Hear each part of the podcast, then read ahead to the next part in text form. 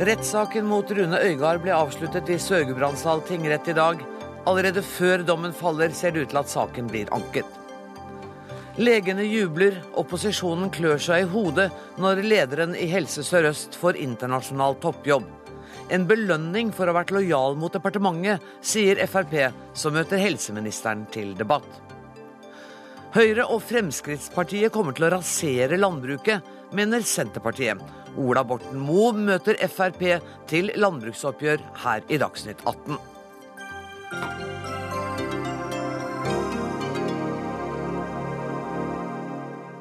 Og I denne sendinga skal vi også høre at Kinas ettbarnspolitikk kan stå for fall. Hva skjer da i verdens folkerikeste land, spør vi. Men først.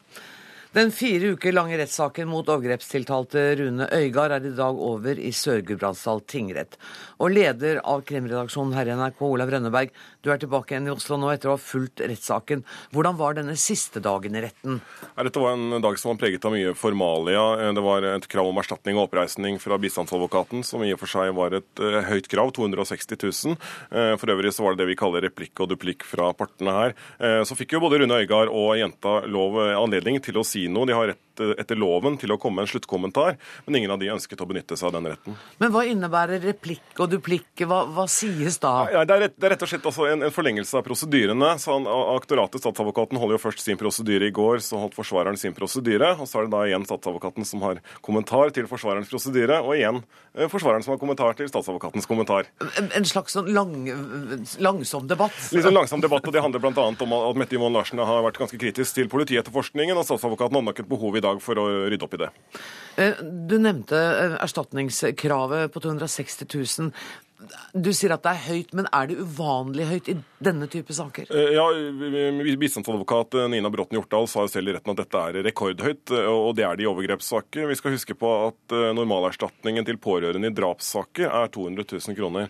Dette ligger altså høyere enn det, men hun mener jo at jenta har blitt påført en betydelig belastning her. Én ting er overgrepet, en annen ting er det omfattende medieomtalen i saken, og hun mener derfor at det bør ligge så høyt.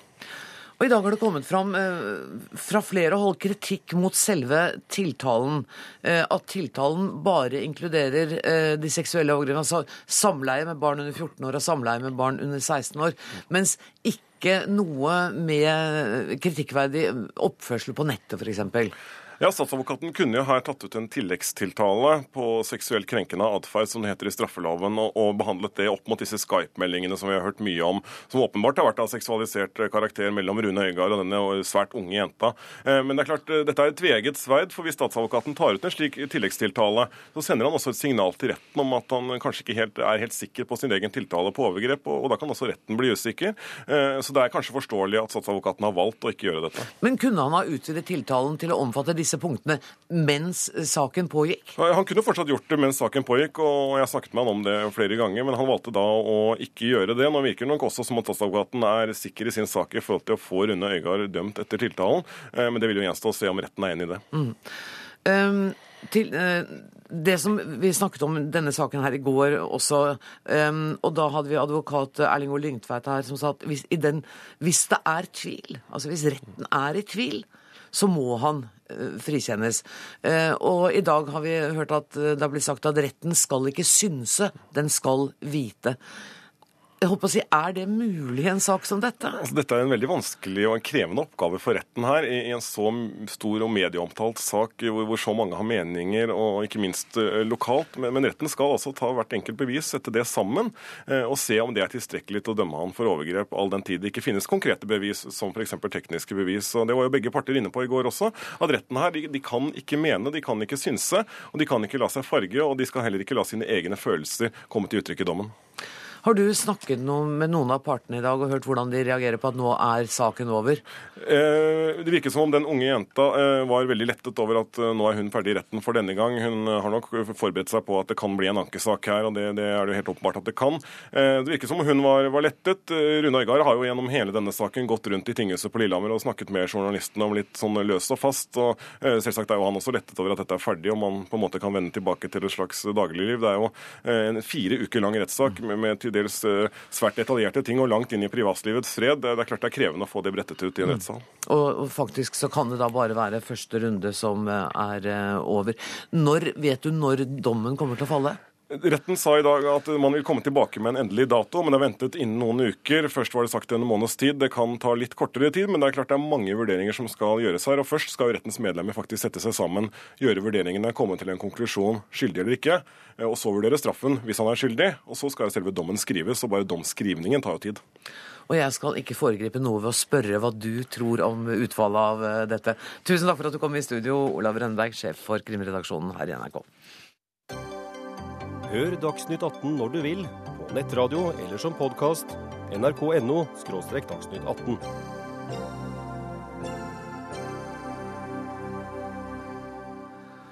Den til tider utskjelte lederen av Helse Sør-Øst, Bente Mikkelsen, går til toppjobb i Verdens helseorganisasjon i Genéve.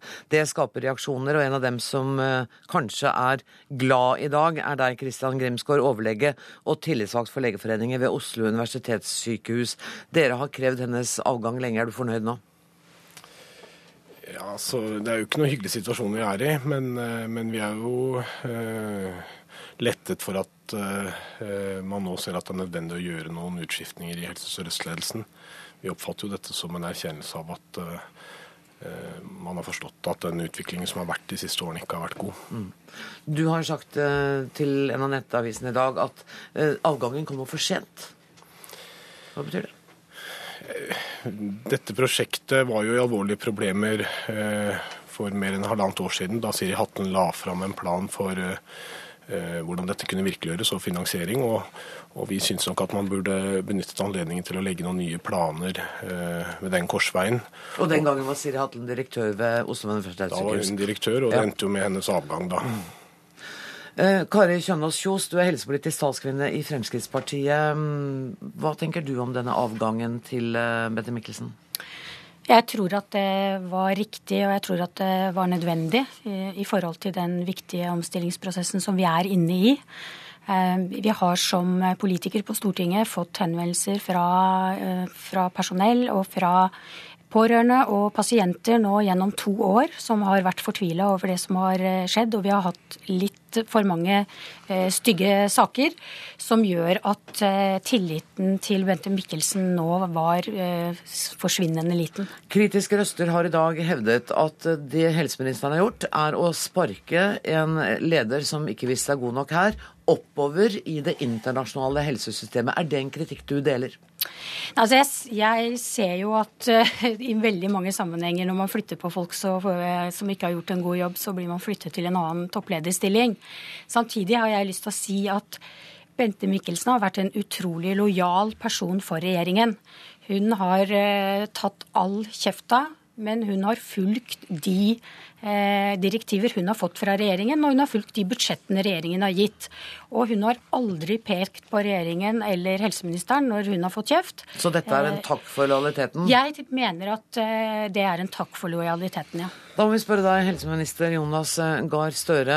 Nå er, det, nå er det sagt liksom i alt jeg har lest i dag, at du gjør hva du kan for å få det til å ikke virke som om du har gitt henne sparken. Eh, at eh, det er realiteten, men at du lyver deg rundt det eh, ved å svare litt diffust. Sånn at da spør jeg igjen, har du gitt henne sparken? Nei. Jeg har ikke gitt Bente Mikkelsen sparken. Og jeg har lyst på å si at hun har gjort en stor jobb gjennom mange krevende år. Hun har, som min kollega her sier, gjennomført den eh, politikken som er vært vedtatt eh, i Stortinget, og som Styret i Helse Sør-Øst har fulgt opp med henne. De har hatt tillit til henne. Det er en krevende, utsatt jobb. Og jeg mener at når støvet legger seg, så vil det stå igjen veldig mye viktig arbeid fra den tiden. Eh, så vil jeg si det at eh, hun er en toppleder i, staten. Krav på å bli behandlet med respekt og den verdighet som det fører av det. Hun signaliserte at hun ønsket å gjøre noe annet. Hun er ikke sparket. Man sparker ikke folk på den måten i, i, i vårt land. Eh, når hun hadde kommet til den eh, overveielsen, så er det ofte modne og kloke overveielser. Eh, og det falt sammen med at jeg arbeidet intenst med å svare på en forespørsel fra WHO om å kunne stille tilgjengelig en person som kunne mye om helsevesen og håndteringen av det vi alle står overfor, ikke-smittsomme sykdommer. Hun og det er en ny organisasjon, ikke sant? Det er, altså, det er inne i Verdens helseorganisasjon ja. styrker de arbeidet på dette. USA, Japan, Italia. Italia, Norge bidrar nå her. Eh, Ja, det er en viktig jobb, men det er ikke en jobb slik hun eh, gikk fra. Men eh, har da, vi har vist hennes CV i WHO etter at hun sa seg interessert. Det er blitt meget positivt mottatt. Og da mener jeg at det er klok bruk av de personellressursene vi har. Hun får bruke sin kompetanse der, et internasjonalt miljø. Og jeg ser på mitt felt hva jeg skal gjøre som jobb med å bekjempe livsstilssykdommer i Norge så trenger vi en internasjonal ramme for å gjøre det. Og når vi nå har øremerket midler til WHO innenfor, eh, eh, fra Norge for å bekjempe smittsomme sykdommer, så er det å kunne stille med en sånn erfaren leder som en del av et sånt team, eh, mener jeg en klok og riktig bruk av ressursene våre. Er det også riktig, slik jeg oppfattet det, at hun har, at hun har permisjon fra stillingen? Hun har ikke sagt opp? Nei, hun har ikke permisjon fra stillingen. Jeg oppfatter det slik at hun har fått permisjon fra Helse Sør-Øst, slik at hun er tilknyttet norsk helsevesen. Men, Men- men, jeg, vil, jeg vil bare få lov til å si det at det er ikke rart i vårt mediesamfunn at du henger veldig mye på enkeltpersoner. Men her er vi altså i en, i en situasjon hvor det er bestemt en omstilling. Jeg tror den er nødvendig, og jeg tror jeg må si at en omstilling i sykehusstrukturen i Oslo kommer vi til å stå i i mange, mange år. For dette er altså et byområde som vokser. Jeg hører tallet. Vi vokser med ett Molde hvert annet år av folk som flytter til denne hovedstadsregionen. Så det, de omstillingene kommer til å bli krevende. Og det var ikke en omstilling som var vedtatt for å spare penger, men for å bruke ressursene på en bedre måte. Så har jeg sagt, for lov til å si det, programleder, at mitt inntrykk er, etter å ha hatt denne jobben i seks uker, at den prosessen var for dårlig planlagt og gjennomført. Det har også Bente Mikkelsen sagt. Og jeg tror også det- din forgjenger i statsrådsstolen. og det er en erkjennelse vi må ta med oss når vi nå går veien videre. Og jeg vil jobbe med tillitsvalgte og andre i sykehusregionen her i hovedstaden eh, for å finne en god vei videre, så vi kan bruke alle kreftene for eh, målet, nemlig pasientens beste. Kristian Grytsgaard, er det litt lettende å høre statsråden si dette? Ja, det er det. For vi har vel opplevd at vi har møtt en, eh, en mur av manglende forståelse egentlig i lang tid. Og, og det er veldig viktig erkjennelse det at eh, planene ikke har vært gode nok, og at vi må se litt på hvordan vi skal få dette til på best mulig måte framover. Men har dere vært villige nok til å samarbeide, eller har dere bare skrubba fra dag én? Nei, det, de, det planverket som har blitt lagt fram, har ikke vært realistisk. Har ikke, vi har ikke hatt bygningene, vi har ikke hatt økonomien, vi har ikke hatt muligheten til å fullføre det prosjektet som det var planlagt. Og det, det er ikke sikkert vi får det de nærmeste årene heller, men da må planene justeres sånn at vi får orden på driften i sykehuset. For i dag har vi svære mangler i organiseringen av sykehuset, og vi har en veldig haltende drift. Ja, Hva er de største manglene? Det er en manglende samhandling i sykehuset. altså at Vi har ikke ledere på plass der ledere trengs. og vi, sånn at eh, Produktiviteten i vårt sykehus har jo falt med 5% og det forklarer jo nesten hele underskuddet vårt. Produktiviteten synker med 5% mens pasienttilgangen øker med tilsvarende. Ja, Det er en bevegelse både demografisk, som Støre er inne på, men også i en økt henvisning inn til de store institusjonene. altså Folk på mindre sykehus ønsker ikke å behandle så, så avanserte tilstander mer. Det tror jeg er en riktig utvikling på mange måter. og Det gjør at eh, det blir et veldig press på sykehusene i Oslo. Men du, når statsråden sier at dere kommer til å måtte stå i endring i, i lang tid, er dere klare for det, eller, eller er dere, kommer dere til å være kritiske uansett hvem som kommer til å lede Helse Sør-Øst etter at Bente Mikkelsen er gått?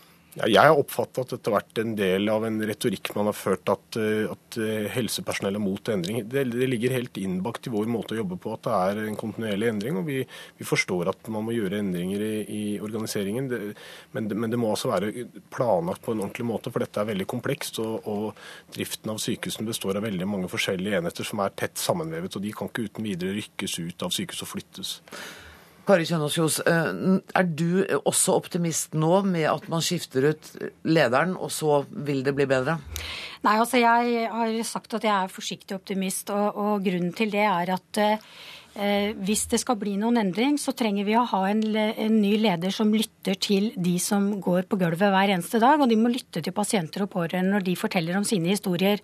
Og det har jo vært problemet med Mikkelsen, og hun har vært så lojal mot regjeringen at hun har glemt å lytte til de som står i det hver dag.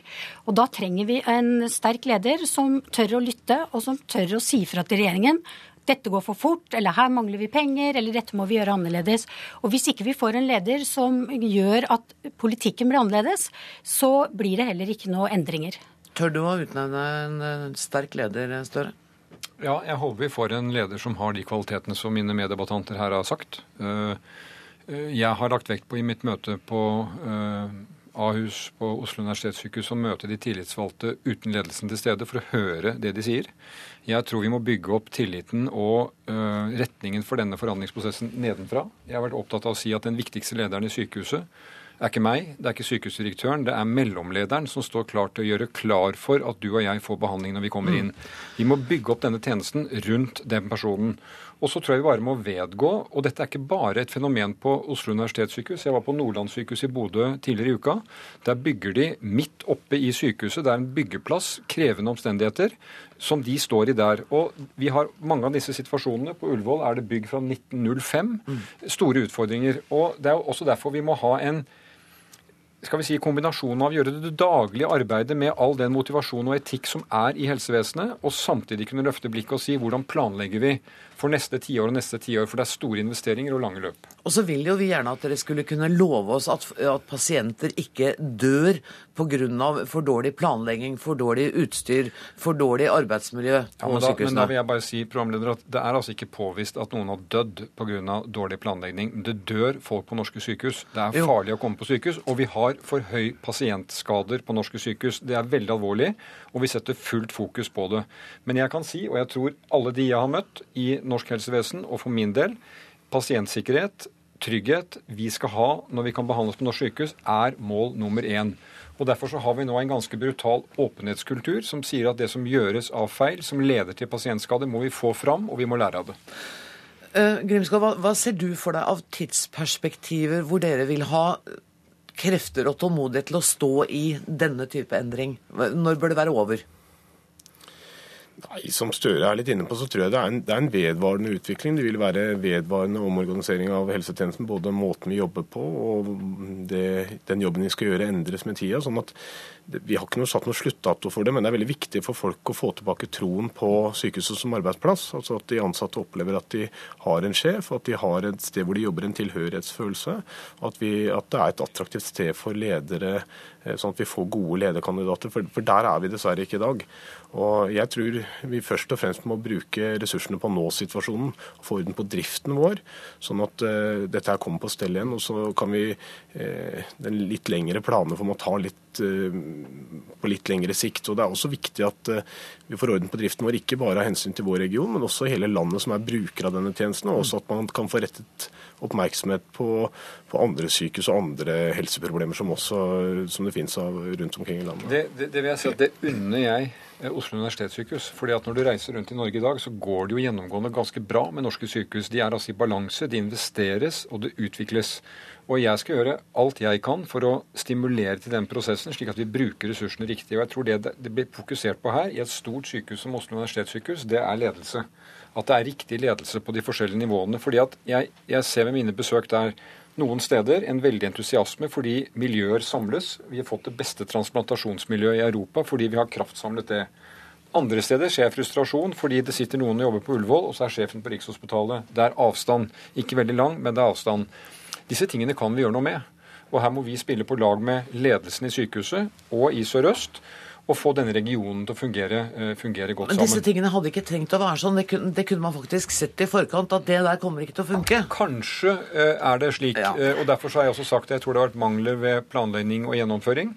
Men vi er nå 2.11.2012, og vi skal se framover fra i dag. Og vi skal gjøre det med å trekke på alle gode krefter, og det tror jeg vi har et godt grunnlag for nå. Men du har dårlig tid på deg, eh, statsråd. Du må få utnevnt en ny sjef for Helse Sør-Øst. La meg bare være formell. Det er det altså styret i Ja, Helse Sør-Øst som skal gjøre. Men Men jeg skal følge med på det, eh, og det tror jeg eh, sikkert kommer til å bli et godt valg.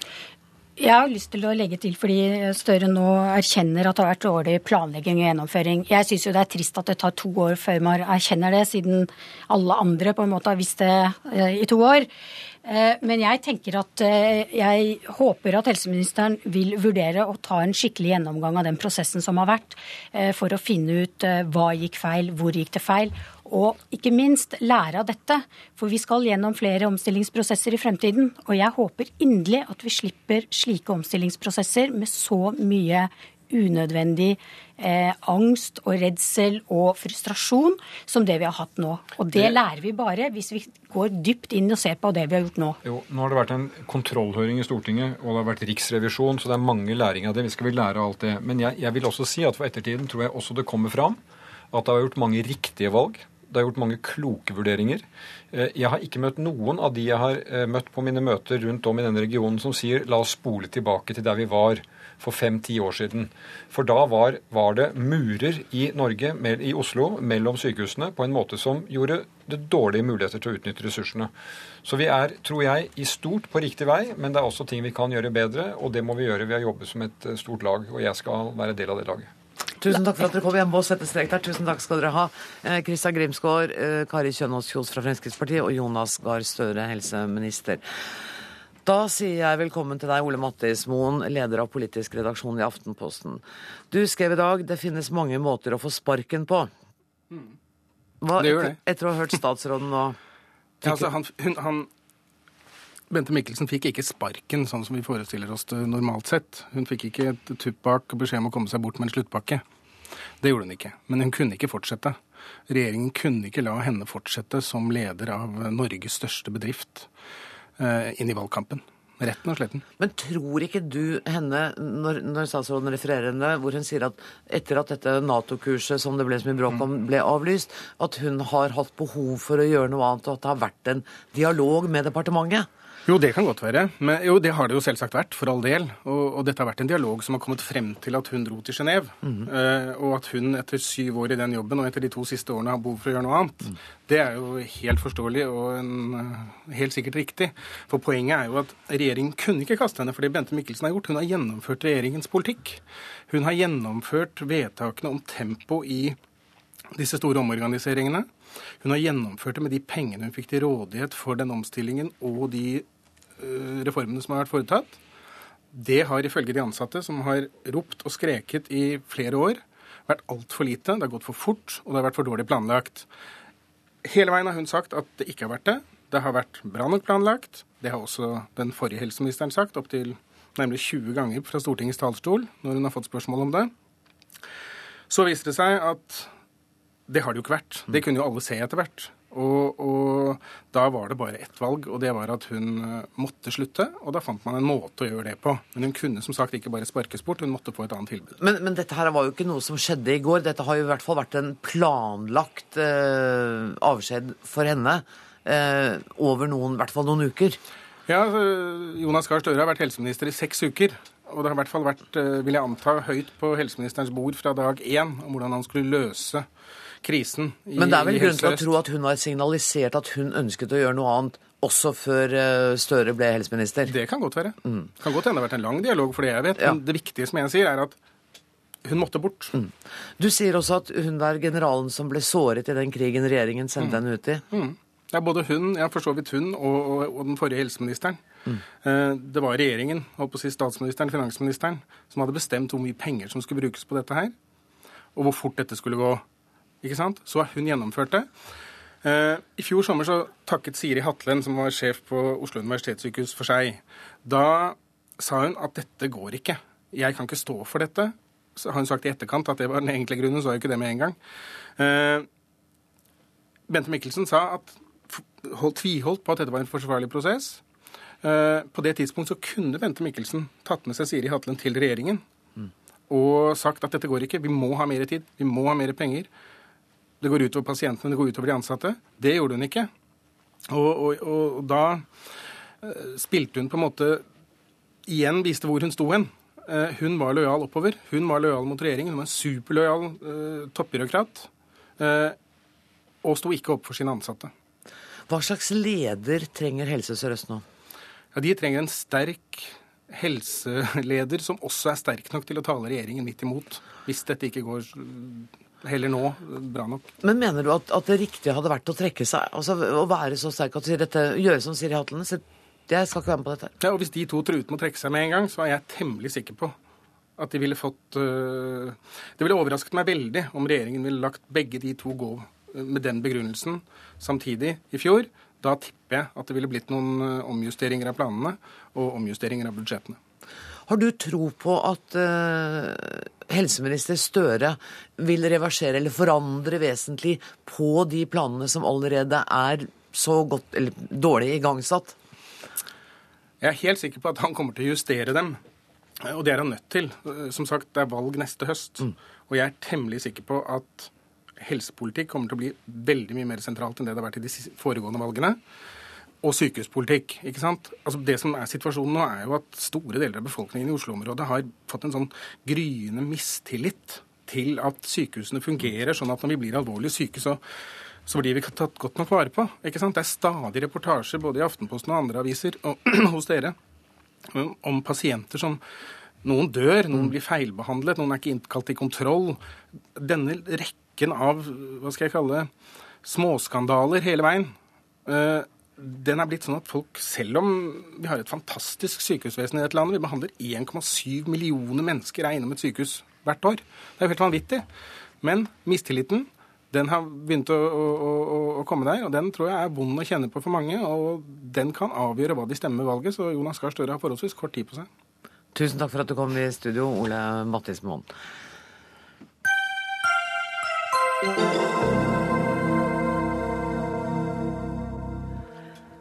Folk flest bor i Kina, sies det, og nå kan det se ut til at den strenge ettbarnspolitikken kan gå mot slutten. For nå melder nemlig kinesiske medier at en tenketank med nære forbindelser til regjeringen foreslår at alle kinesere innen år 2015 bør få lov til å få to barn, og innen 2020 bør de kunne få så mange barn som de vil. Aller først, Jon Pedersen, du er forskningssjef på Fafo. Ettbarnspolitikken har aldri vært absolutt, den har aldri gjeldt alle. Hvem har vært unntatt? Altså, Den har først og fremst gjeldt de som bor i byene. Eh, bønder har vært unntatt i den forstand at de har fått uh, lov til å ha to barn. Og, eh, og, og minoriteter har kunnet få flere barn. Det har også variert ganske mye fra eh, kommune til kommune, om man vil, eh, hvor mange barn man i praksis har fått lov til å ha. Mm. Og Ifølge FN-statistikk, som er ikke helt fersk, så var det om lag 20% av den fertile befolkningen som i utgangspunktet var rammet av denne ettbarnspolitikken. Ja, det, det er det vel kanskje. Men det er vanskelig å si hva som er rammet her. Mm. fordi det er ikke Jeg mener omfattet av den, jeg, da. Ja, men for øyeblikket er det på en måte Altså Hvis du sier ett barn, ja. Mm. Uh, nå kanskje nærmere, nærmere 50% av den. Mm. Men, men den, den har også vært ganske, ganske absolutt. Men det, men det, som er viktig, er at mange kinesere vil heller ikke ha så forferdelig mange barn. Mm. Det er ingen som tror at selv om man løser opp ettbarnspolitikken, så vil kinesere plutselig få mange. Nei. Du har selv eh, barn, og du bodde i Kina eh, fram til i sommer. Man bodde der i fire år. Hvordan, så, hvordan merket du ettbarnspolitikken? Hvordan opplevde du den? Ja, hvordan jeg opplevde den? Den, den oppleves for, for folk flest så oppleves den jo i byene så oppleves den jo som en begrensning. Det er en veldig stor aksept for den. Fordi man er enig med kinesiske myndigheter at man, det bør ikke bli enda flere kinesere, egentlig. Men man, øh, men man opplever det også slik at øh, man skulle jo gjerne hatt to barn selv, kanskje. Mm. Men samtidig så er jo foreldrene i hvert fall mitt inntrykk, veldig opptatt av å følge opp det barnet de har. Det er kjøring til fritidsaktiviteter og ekstraundervisning og jeg vet ikke hva. Ja, altså det er jo en, et våpenkappløp mellom foreldre, på en måte, om Eh, knappe studieplasser osv., som fører til at man legger enormt mye vekt på all verdens aktiviteter for barn. Mm. Norske fotballmødre vet ikke hva de snakker om når de snakker om tidsklemme. Harald Bøckmann, du er forsker ved Senter for utvikling og, og miljø. Ettbarnspolitikken ble innført i 1970, litt uklart om det var 1978 eller 1979. Um, og, og, den møtte jo voldsom kritikk fra Vesten fordi vi opplevde det som uforståelig at kvinner skulle ha, ikke, ikke ha adgang til å føde det antall barn det selv ville. Men likevel sier du at det kunne vært verre? Ja, ja. Det kunne vært mye verre. Altså, det må vi se ut fra hvordan eh, det var i Kina. På 50-60-tallet så sa Mao og hans folk at uh, vi trenger flere hender. Men han tenkte ikke på at disse hendene også ville bli gamle. ikke sant? Og så kom det en forsøk på midten av 70-tallet da skal man helst ha to barn. Helst, og det var en del sånn eh, milde forsøk, da kan du si. Men så skjønte jeg at nå, nå går det gærent av sted. Og hvis de ikke hadde gjort det, som har hatt en høy menneskelig kostnad, så ville Kina hatt betydelige problemer i dag. Mm. Og man, man, snakker om at det er 400 ikke påbegynte svangerskap. Ja. Millioner, ja. Ja, 400 millioner, ja. unnskyld. Ja, og, og, og, men dette med at eh, Vi har møtt jo kvinner som sa at for oss på landsbygda som sa at for oss er det en lettelse. Før Mm. ville svigerfamilien at vi skulle få så mange barn som mulig. Nå har jeg plutselig tid til å gjøre andre ting enn bare å, å føde barn. Er det et aspekt vi skal ta med oss i dette her? Ja, absolutt. Altså, jeg tror, dette har jo, hvis det har vært noen revolusjon etter Maos tid, også bortsett fra kulturrevolusjonen, så er det denne holdningen til, eh, til familien og hvordan en familie bør se ut. Og før var det dette presset, som du sier, på at kvinnene skulle føde barn, helst guttebarn. Og jeg tror en av grunnene til at man nå, eh, og dette er alvorlig ment, tror jeg, at man setter dette ut i kinesiske offisielle nyhetsbyrå. Du tror det? Du Ja, tror ja. det- Vi ser begynnelsen på slutten av Ja, ettbarnspolitikken? ja, ja, det tror jeg. Men eh, det er også fordi, som eh, han, min sidemann var inne på, at folks holdninger har endra seg. Og at eh, hvis man da slipper det løs igjen, så liksom, er man ikke tilbake til der man begynte. Så jeg tror at eh, Jeg er ganske optimistisk på at det skal gå bra. Altså Man prøvde seg noe for noen år siden med å si at kanskje noen provinser skulle få prøve seg. Men da var man redd for at alle skulle flytte til de provinsene og få flere barn på den måten. Så nå tror jeg man begynner å få dette mer under kontroll. Og kinesiske demografer har jo mast på dette i mange, mange år. I mange, mange år. Og jeg, prøvde å undersøke i dag hvordan, hvordan fødselsraten har gått ned. Den var liksom på drøyt to barn på 70-tallet. Og så er det veldig diskusjoner, ser jeg blant fagfolk på, om det nå er på 1,8 eller 1,9, eh, og, og, og, og hvordan dette kommer til å bli fremover. Men det er det faktisk ingen av oss som vet. Nei, det skal bli spennende å se etter hvert. Det, det vonde aspektet ved denne er jo at vi kan ikke fortie at det har vært tvangsaborter. Det har vært eh, jentebabyer som har blitt lagt ut i skogen. Eh, det har vært drap på, på jenter. Eh, hvordan ser dere på det? Altså, det har jo helt klart skjedd mye av dette.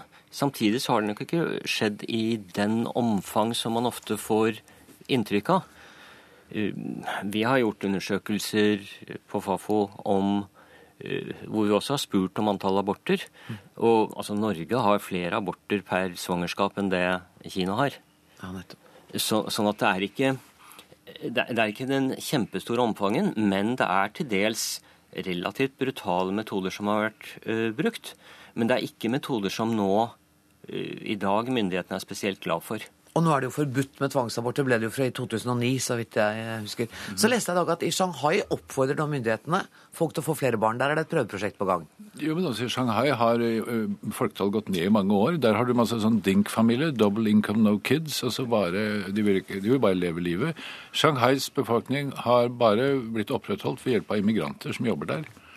Så Derfor så er det nødvendig at Shanghai, de som har bostedsbevis i Shanghai, da, at de faktisk, eh, faktisk Og det er interessant, for jeg, for noen år siden var jeg i Shanghai. Da jeg, ble jeg fortalt at det var 16 kategorier som var unntak for ettbarnsfamilien, også i en by som Shanghai. Og likevel altså Hvis man var sånn eller sånn eller sånn. Ja. Men likevel så har da, kan du si, eh, livsstilen endret seg så mye at eh, nå, nå har det snudd helt rundt. Og Konfusius er kanskje ikke så fremtredende på landsbygda heller i, som han var for 30 år siden. Jo, han er det, men jeg vet ikke hvordan det slår ut på, på barnepolitikken. Det Jeg tenker jeg på, på dette med kvinners posisjon og oh, ja. eh, odelsretten og retten til å arve gården og sånne ting. Ja, ja, det var det jeg nei, tenkte altså, den, denne, denne patriarkalske tradisjonen den er der nok enda, men eh, altså, det, det verste kinesiske skjellsordet du kan si, kunne si, var 'måtte du dø sønneløs'. Mm.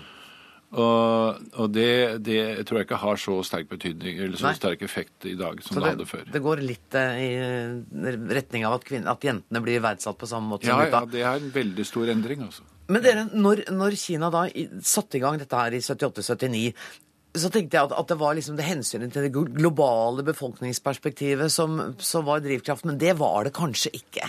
Nei, det var det nok ikke. Det var, var først og fremst en, en holdning fra kinesiske ledere om at de ikke ville bli flere selv.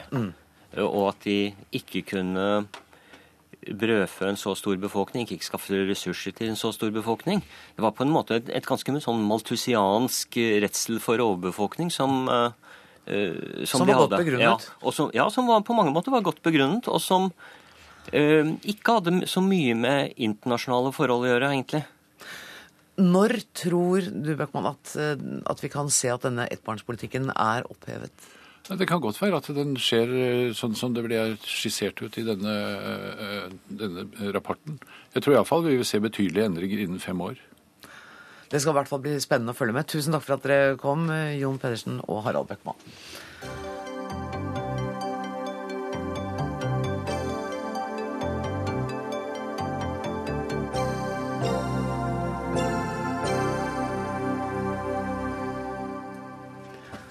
Da til mer hjemlige forhold. Høyre og Fremskrittspartiet vil ta makt fra Tine, oppheve odelsretten og fjerne oste- og kjøtttollen hvis de kommer til makten. De kommer til å rasere landbruket, mener Senterpartiet. Og Hans Frode Asmyr, du er stortingsrepresentant for Fremskrittspartiet og selv kornbonde.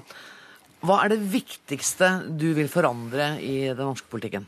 Ja, Det er at vi eh, får en politikk som er mer retta mot markedet. At vi får en liberal eh, landbrukspolitikk hvor eh, vi får løst opp i alle de regler og lover og, og, som styrer landbruket. Jeg trenger litt mer tydelighet. Ja, Bl.a. innenfor eiendomsforhold. Vi har konsesjonsloven, vi har odelsloven. Vi har en prisfastsetting av målpris som blir fastsatt i Stortinget hvert eneste år for hver enkelt produksjon. Dette er eh, forhold som gjør at eh, landbruket blir styrt i alle retninger.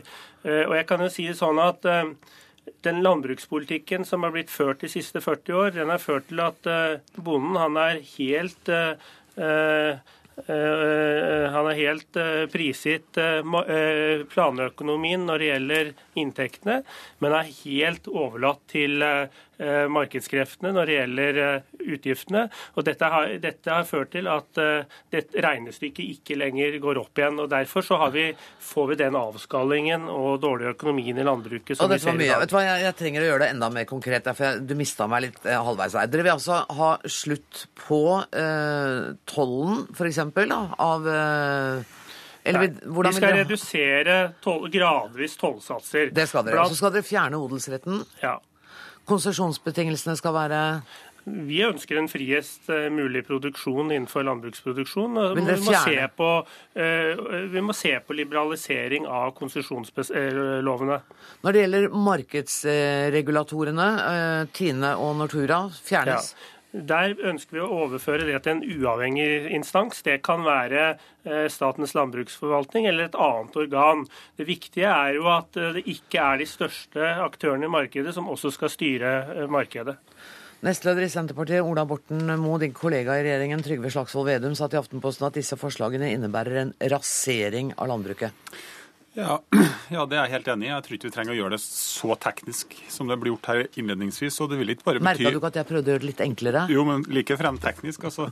Det er ikke bare rasering av norsk landbruk og matproduksjon. Eh, men det her vil også bety økonomisk ruin for titusenvis av norske familier. La meg kort fortelle hvorfor. Eh, vi har en jordbruksavtale som behandles i Stortinget hvert eneste år. Eh, den regulerer overføringer til landbruket, den regulerer en del andre forhold. Eh, Fremskrittspartiet vil kutte 7 milliarder i overføringer på ett år. Det eh, er selvsagt et enormt kutt, og representerer da mesteparten av statens overføringer til landbruket direkte. Så vil man kutte i toll. Det betyr lavere markedspriser, lavere mulighet til å få betalt for de produktene man produserer. Eh, og endelig så vil man da ødelegge, ta bort markedsordningene og eh, gjeninnføre eh, det som er den sterkestes rett, da, som eh, eneste levevei og kjøreregel på eh, omsetning av eh, matprodukt. Og det, det, er helt åpenbart at konsekvensen av det her, for de tusenvis av norske familiene som har satsa på landbruket, bruker all sin tid og alle sine penger på dette, her, er det at det ikke lenger vil være regningssvarende. Og man vil ikke være i stand til å få igjen de pengene som man har investert. Så er det sånn at, så er det sånn at norsk landbruk altså, eh, Hans Florida Kielland Asmyr og, og Fremskrittspartiet sier at landbrukspolitikken virker ikke for at det legges ned bruk. Vel, altså, Det er lagt ned gårdsbruk i Norge de siste 250 årene. Og Det er et resultat av teknologisk nyvinning. altså Det er større og bedre traktorer og bedre utstyr.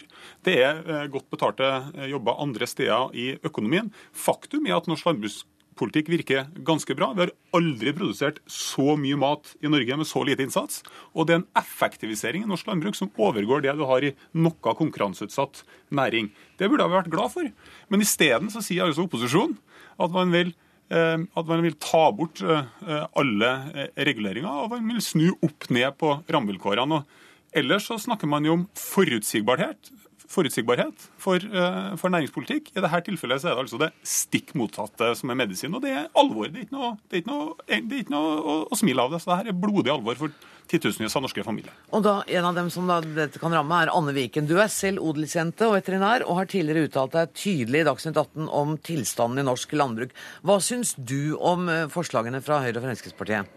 F.eks. For det forslaget om å fjerne odelsretten, det tror jeg er veldig hensiktsmessig. Eh, per dags dato så står det ca. 30 000 ledige gårdsbruk i Norge. og eh, når en undersøker hva som er grunnen til at de som sitter på gårdene ikke selger, så handler det ofte om slektstilknytning. Eh, en annen ting som gjør at folk ikke selger, er at det er prisregulering på landbrukseiendommer. Det vil si at eh, du får såpass lite for å selge gården din at eh, du heller kan beholde den som ferieplass. Da. Så å slippe fri prisene på landbrukseiendommer kan være en måte å å få kanskje mer jord i drift på, da, ved at flere som ønsker om å kjøpe en gård, kan kjøpe en av disse her 30 000 ledige gårdsbrukene som vi har i Norge i dag. Og som er en konsekvens av den landbrukspolitikken som har blitt ført. Mm. Men så til markedsreguleringen. Eh, med Tine og Nortura, hva tenker du rundt det? Ja, det er, et, uh, veldig, det er et godt spørsmål og et vanskelig spørsmål. Men uh, sånn som Tine og Nortura fungerer i dag, så står de for en uh, kvantumproduksjon. Eh, de, stå, de, produserer mye eh, til relativt lave priser, hvilket fører til, til et eh, lite utvalg i norske butikker.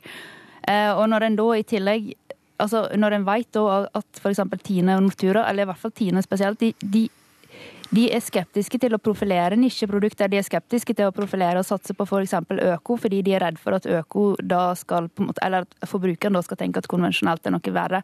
Altså så promoterer de ikke mangfold ut til forbrukeren, men de produserer mye og mye av det samme, hvilket fører til et dårlig utvalg. Så jeg kan jeg da trekke den konklusjonen at du er ganske enig med Aspmyr i at man må se på i hvert fall denne markedsreguleringen slik den fungerer i dag? Absolutt. Eh, og hvis Tine Nortue skal holde fast på de her reguleringsrollene sine, så burde de i hvert fall eh, i større grad sørge for at eh, forbruker får et større tilbud, og at bøndene får et større spekter av produkter som de kan, kan tjene penger på. At det lønner seg f.eks. i større grad å produsere nisje og øko, og at det òg promoteres av Tine og Nortura istedenfor sånn som i dag, at det på en måte eh, rett og slett blir skyfla litt under bordet. Ola Borten er dere for lite flinke til å høre på folk som Anne Viken og andre som sliter midt i dette her? Nei, altså, La meg bare først begynne med å si at regjeringa sjøl eh, har tatt initiativ til og fått gjennomslag for betydelige endringer i odelsloven. Altså en betydelig innstramming som skal effektueres nå til neste år. Også omlegginger i konsesjonspolitikken nettopp for å få flere gårder ut på markedet. Men det er i og for seg en avsporing av debatten, rett og slett fordi at eh, det som er nødt til å ligge i bånn. Det er en lønnsom produksjon og en forutsigbar tilgang til et hjemmemarked. Så er ikke min jobb å forsvare alle de disposisjonene som Tine og Nortura gjør i, i markedsregulatorrollen sin. Bortsett fra at det Anne Viken sier, er delvis helt feil. rett og slett For at Tine har et bredere produktspekter enn noen andre tilbydere på det norske markedet. La det ligge. Vi fører en aktiv politikk for å få flere produkt ut, for å bygge opp under matmangfold, eh, for å legge til rette for lokal produksjon av mat. Jeg opplever at man lykkes i stadig større grad. Men det er ikke noe motsetningsforhold mellom lokale eh, matvarer og, eh, og volummarkedene. Poenget er at vi trenger begge deler. Og skal man få til begge deler, så er det punkt 1 nødt til å regulere markedet på et eller annet vis. Altså, det gjør alle siviliserte land i verden. Det er ingen land som ikke gjør det. Eh, og du er nødt til å ha forutsigbarhet som gjør at produsentene av mat, som alle andre produkt, vet at de får igjen for de investeringene de gjør, og at de får igjen for den arbeidsinnsatsen de legger ned. Hvis det ikke skjer, så, så legges det ned og fases ut. Asmør, siviliserte land har regulering. Ja, eh, man har forskjellige former for eh, markedsregulering, men det er få land som har en så gjennomregulert planøkonomisk regulering eh, som Norge har. Og det er eh, også ikke vanlig at det er de store aktørene i næringen som selv regulerer markedet og ivaretar mye sine egne hensyn i den reguleringa. Og vi må huske på at Nortura har over 50% av kjøttmarkedet. Tine har 80% av melkemarkedet. I hvilken grad skal de da ivareta konkurrensenes hensyn? Og så så eh, må jeg arrestere Ola Borten Moe når han sier at Fremskrittspartiet er uforutsigbare, og at vi vil eh, rasere landbruket. Det er feil. Vi er veldig forutsigbare. Vi har sagt det samme i mange år, hvordan vi ønsker at landbrukspolitikken skal være. Vi hører eh, bonden som uttalte seg her nå, på langt vei er enig.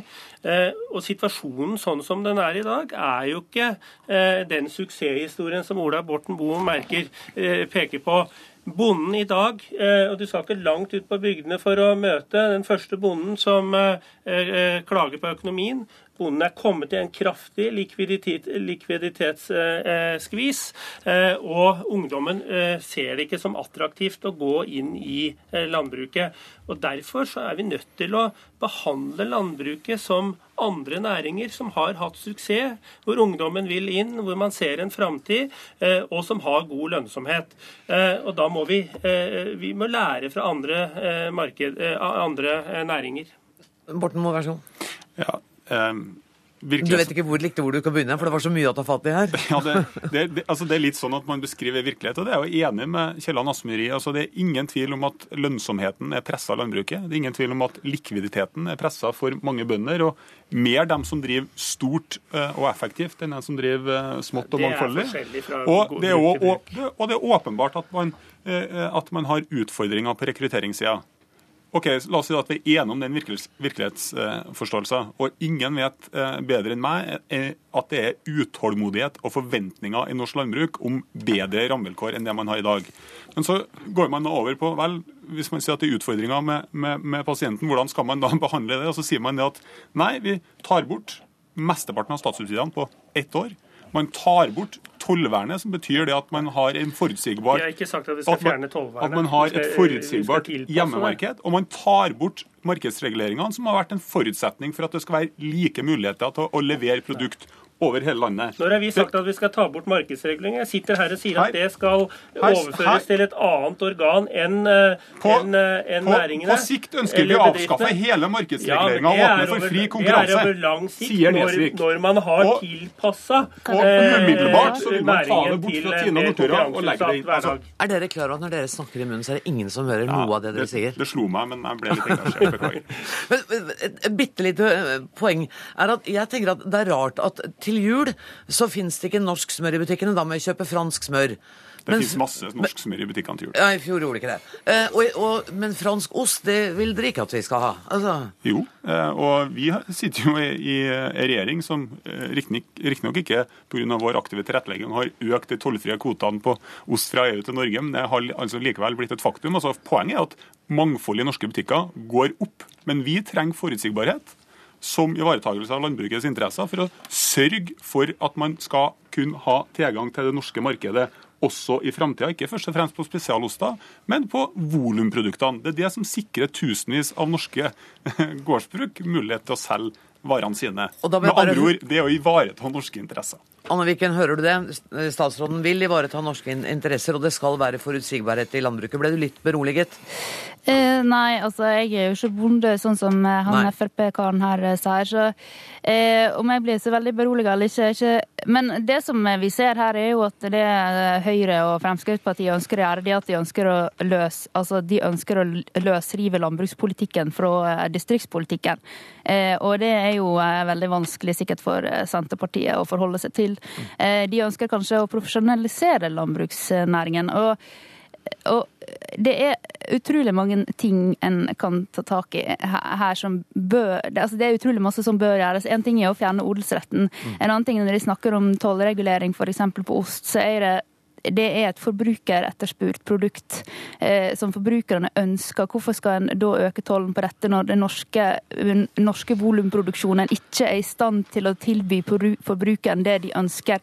For den volumproduksjonen som Borten Moe snakker om, det er en produksjon som er dreven fram av næringsmiddelindustrien og av supermarkedene. Det er ikke forbruker som står bak og drar disse produksjonsvolumene opp. Det, vet du, det betyr at du fikk siste ord i denne debatten. Jeg må si tusen takk til deg, og takk også til eh, Hans Frode Asmyr fra Fremskrittspartiet. Og så ber jeg statsråden bli sittende.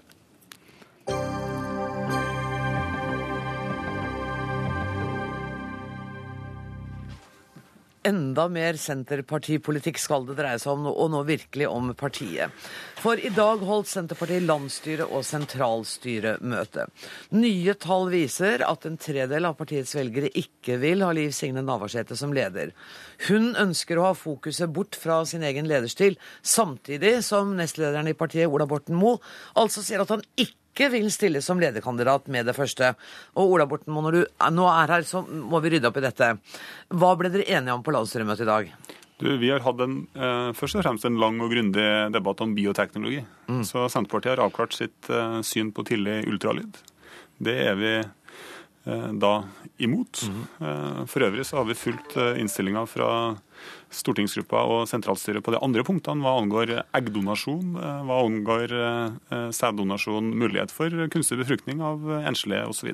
Men jeg tenkte mer på hvordan er avklaringen nå mellom deg og Liv Signe Navarsete? Du har sagt at du er ikke aktuell som leder i 2013. Jeg har jo vært veldig tydelig på min eh, rolle og mine ambisjoner eh, i Senterpartiet fremover.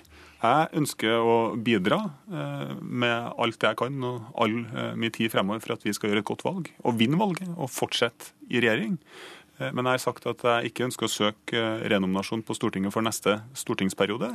Og jeg har òg sagt at jeg ikke ønsker å utfordre Liv Signe Navarsete som leder i, i, i Senterpartiet. I 2013. Men så har du åpnet for muligheten om at du kanskje kan være en kandidat i 2017. Altså, Hva som kan skje så langt frem i tid, det vet ikke jeg, og det vet heller ikke min kommentator ved, ved min side her. Altså, Hvordan norsk politikk og norske samfunnet ser ut om, om fire, seks, og åtte og ti år, altså det, det er det vanskelig å sitte her og, og vite noe om nå. Men, men, når du sier at du ikke vil utfordre henne som leder, er det fordi du sjøl føler at du ikke er moden enda til å ta lederansvar i Senterpartiet? Nei, jeg har jo tatt et veldig tydelig valg, som jeg eh, først underretta mitt eh, fylkesstyre og, og, og nominasjonskomiteen i Sør-Trøndelag Senterparti om tidligere i, i høst. og Det handla jo om ikke å søke renominasjon på Stortinget. og Da gir jo resten seg eh, greit av seg sjøl. Det mener jeg at ikke bare mener jeg, men det har jeg vært veldig tydelig på eh, veldig lenge. Og så legger jeg merke til at eh, mange journalister, mange som jobber i media, spør om og om igjen, og ikke riktig har fått med seg det her. Men det er, jo en, det er jo ikke noen tvil om at det er uro i partiet, og at det kanskje også er snakk om fløydannelser. Um, hvordan står du i forhold til disse fløyene? Ja, Det er i hvert fall interessant å lese mye om fløydannelsene i Senterpartiet. Og det er også interessant å lese mye om hvilken rolle jeg sjøl har i dette her. Jeg opplever jo i stort at Senterpartiet er et ganske samla parti. Mens det tidligere har vært diskusjoner i partiet knytta til type retning i norsk politikk. Hvilken regjering skal vi gå inn i, gå ut av, hvem skal vi samarbeide med? Altså Det opplever jeg er helt avklart. Ingen debatt i det hele tatt. Jeg opplever at det er stor konsensus knytta til hvilke saker det er som er viktigst for oss.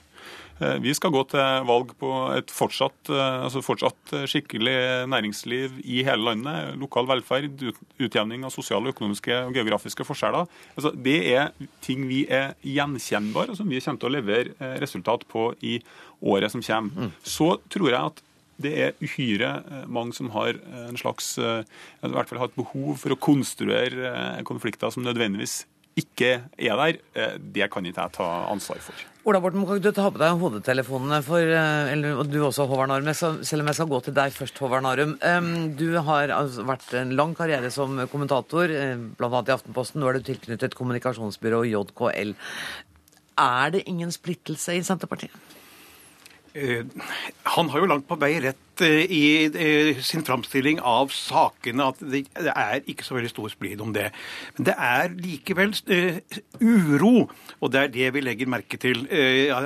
Og det er klart at dette har ikke bare med Liv Signe Navarsetes temperament og lederstil å gjøre, selv om det er det som har utløst mye av skriveriene og mye av uroen også internt i partiet.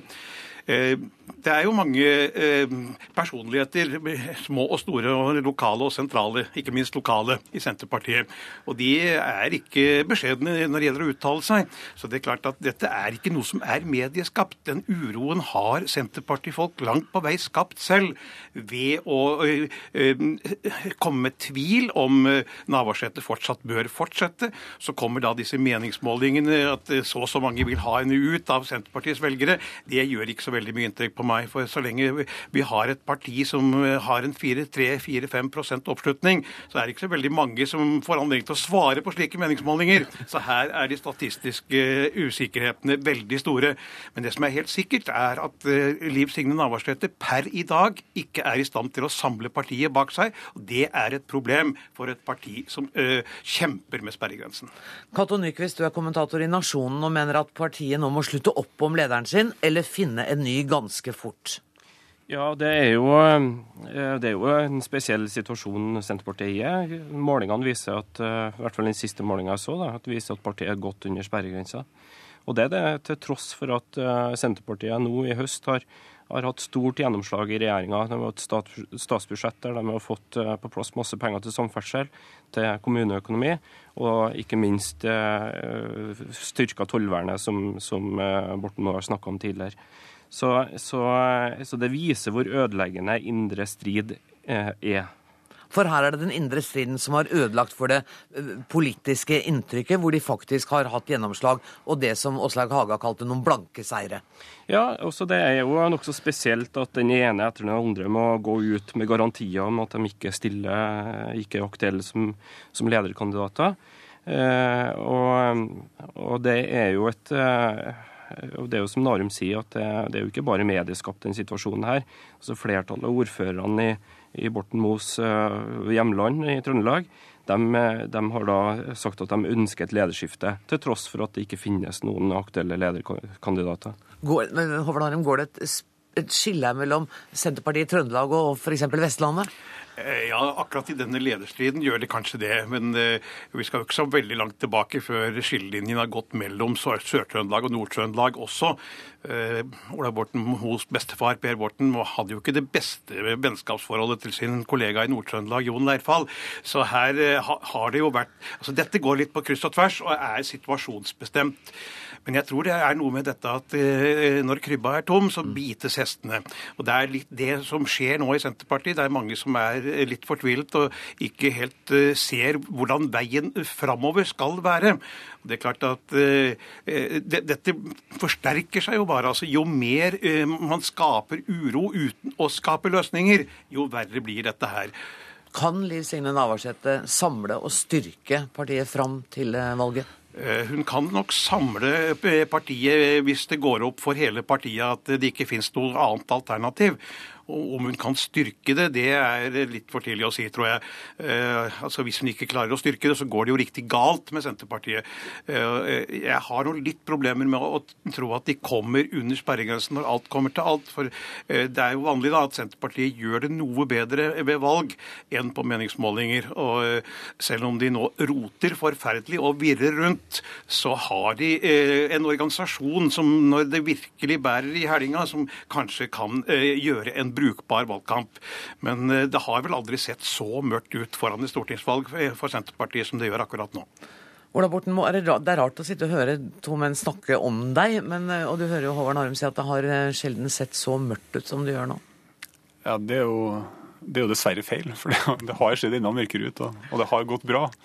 Eh, men eh, jeg er eh, rolig foreløpig, og det er to årsaker til. For det første så er det lenge igjen til det valg. Og det er september 2013 som teller.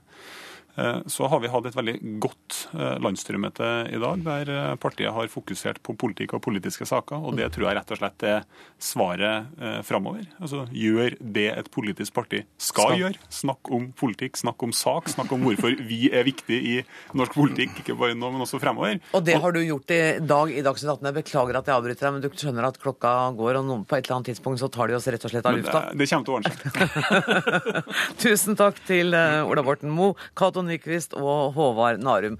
Ansvarlig for denne fredagsutgaven var Dag Dørum. Det tekniske ansvaret har Erik Sandbråten. Jeg heter Anne Grosvold og ønsker en god helg.